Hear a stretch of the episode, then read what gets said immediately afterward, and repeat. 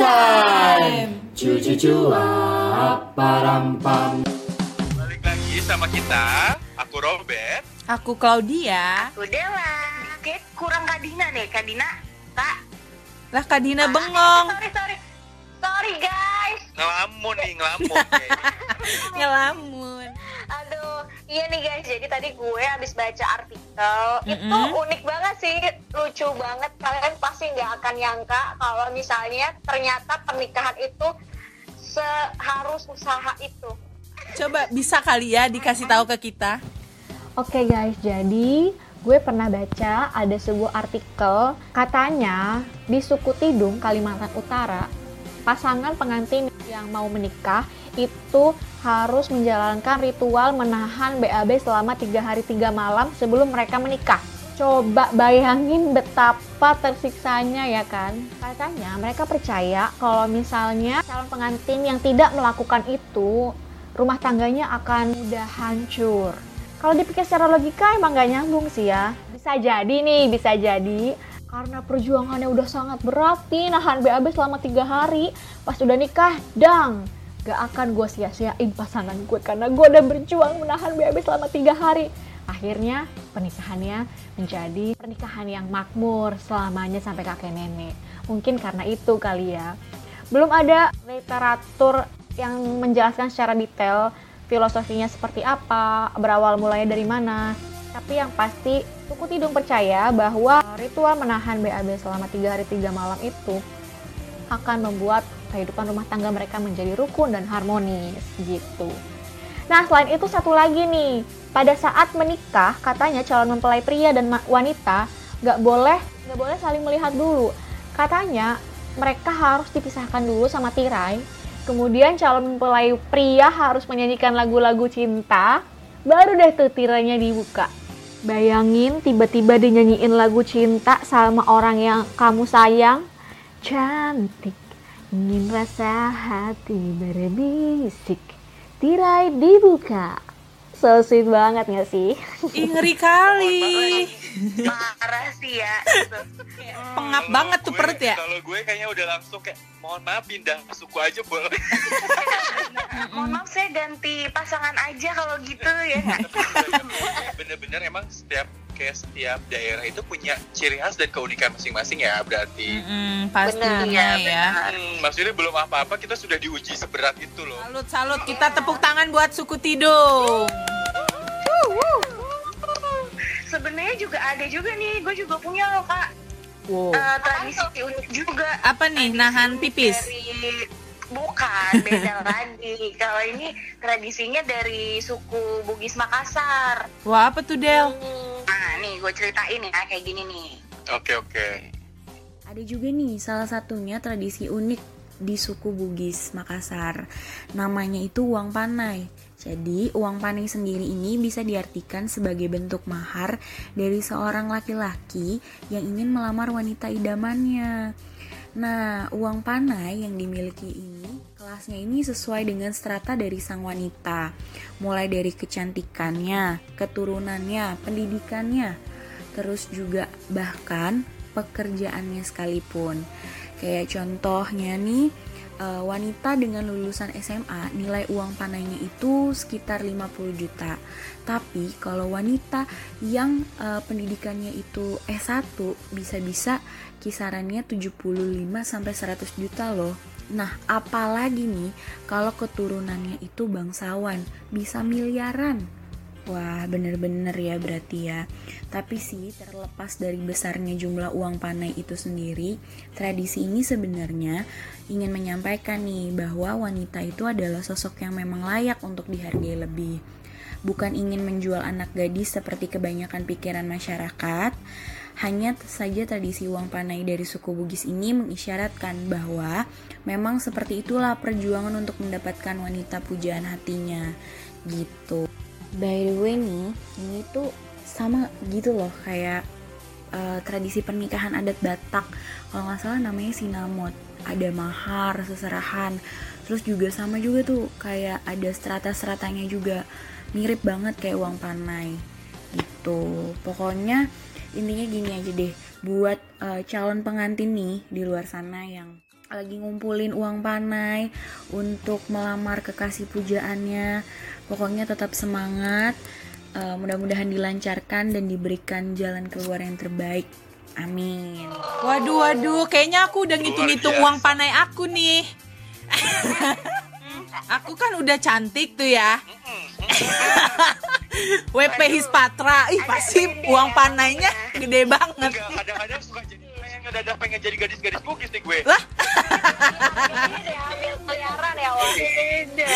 biar biar panainya bisa bikin orang kaget gitu ya.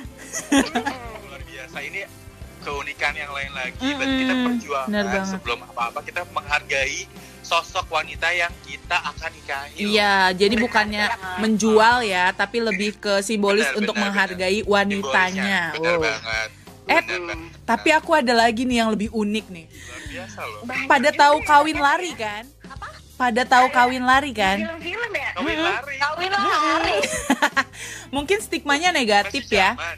Iya, mungkin stigma dari kalian negatif, tapi ada satu suku, itu suku Sasak dari Lombok, yang tradisi pernikahannya unik banget nih.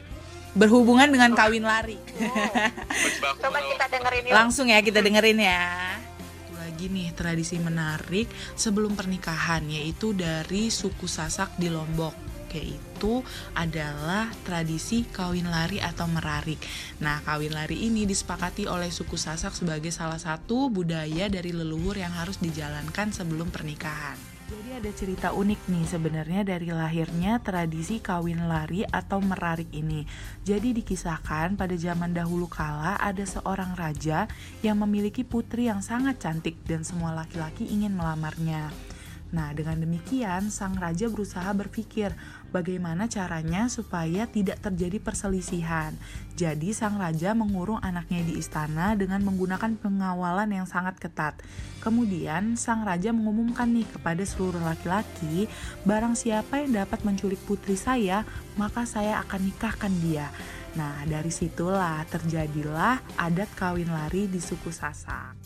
Lari atau merarik ini jadi merupakan sebuah proses awal yang harus dilakukan calon pengantin pria dan calon pengantin wanita untuk menuju sebuah pernikahan. Nah, setelah melakukan kawin lari atau merarik, nantinya akan ada tokoh masyarakat yang sering disebut dengan kepala kadus yang mewakili keluarga pria datang nih ke ke keluarga wanita untuk menyampaikan dan memberitahukan bahwa calon pengantin perempuan ada di tempat calon pengantin laki-laki. Jadi nanti barulah adanya permusyawarahan untuk diadakannya pernikahan. Begitu. Nah, kawin lari atau merarik ini juga dipercaya akan mengangkat harkat martabat kaum laki-laki yang dapat melarikan pujaan hati mereka. Jadi memang ya tradisi-tradisi yang dijalankan di masyarakat Indonesia ini sebenarnya memiliki makna dan filosofi-filosofinya sendiri. Jadi seru banget deh. Wow, iya Bener-bener. kan, seru kan. Kak Robert kayaknya udah siap-siap mau nyulik orang nih. Kayak ini kayak bener-bener ini lu sadar gak sih ini tuh kayak cerita-cerita dongeng Disney gitu loh Kenapa selalu Oh iya. Oh iya iya benar. Oh iya iya benar-benar. menyelamatkan dari nenek mamahnya ya kan Iya Hmm. mama. untuk melihat Mama bintang pura-pura. ini bawa lari untuk dinikahin Hmm, Keren banget ya. Jadi lebih ke simbolnya simbol kejantanan laki-laki ya Iya Yes, benar. Berarti nilainya pun positif ya, bukannya kayak wah nggak Mm-mm. direstuin atau kayak gimana? Enggak. Eh ada lagi nggak ya tradisi unik lain? Tadi kan kita udah ada tuh eh, dari Kalimantan. jangan, Kalimantan. jangan sedih jangan sedih jangan sedih Apa? ini part yang paling gue mau banget Wow, wow. Pilih.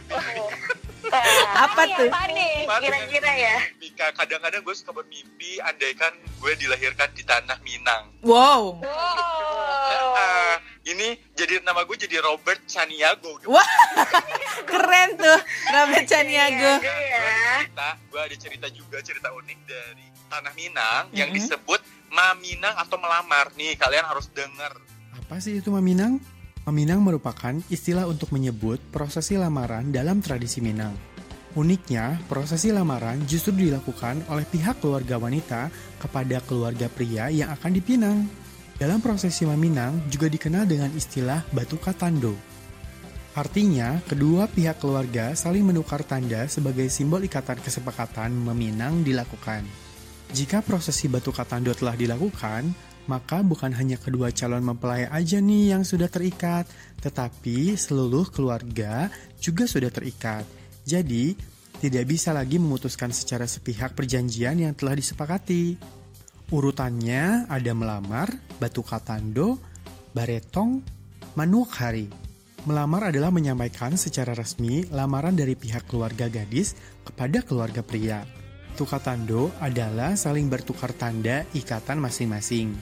Baretong adalah merembukan tata cara yang akan dilaksanakan nanti dalam penjemputan calon pengantin pria pada waktu akan dinikahkan. Dan manuak hari tentunya menentukan waktu terbaik untuk hari pernikahan nanti. Dalam tradisi Minangkabau, sirih pinang lengkap menjadi barang bawaan yang wajib hukumnya dibawa saat prosesi meminang.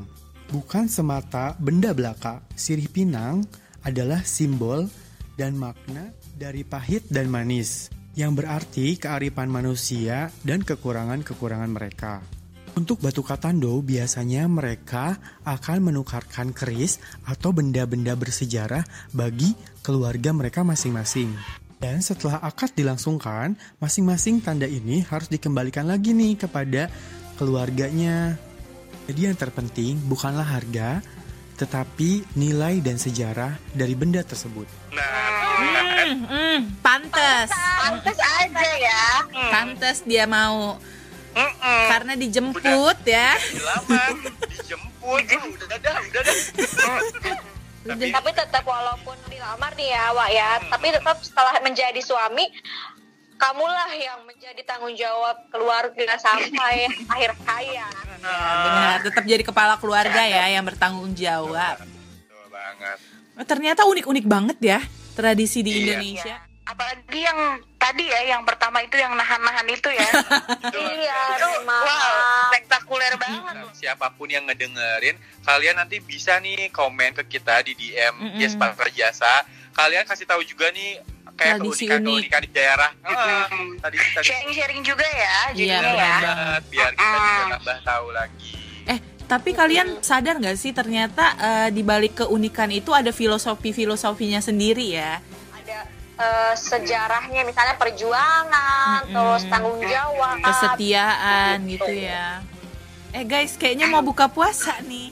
Oh iya ya, pantesan Iya. aus nih tenggorokan kering. Ya. Kita udahin dulu kali ya podcast eh, Iya. untuk episode kali ini. Sampai ketemu Oh, lagi di minggu depan. Betul banget. Mm-mm, semoga informasi dari kita ini bermanfaat ya Hmm, buat bener eh, banget. calon pengantin semuanya juga. Iya, amin. Oke, aku Claudia. Aku Dina. Aku Dela. Dan aku Robert. Sampai jumpa di Pudding Time berikutnya. Bye bye bye.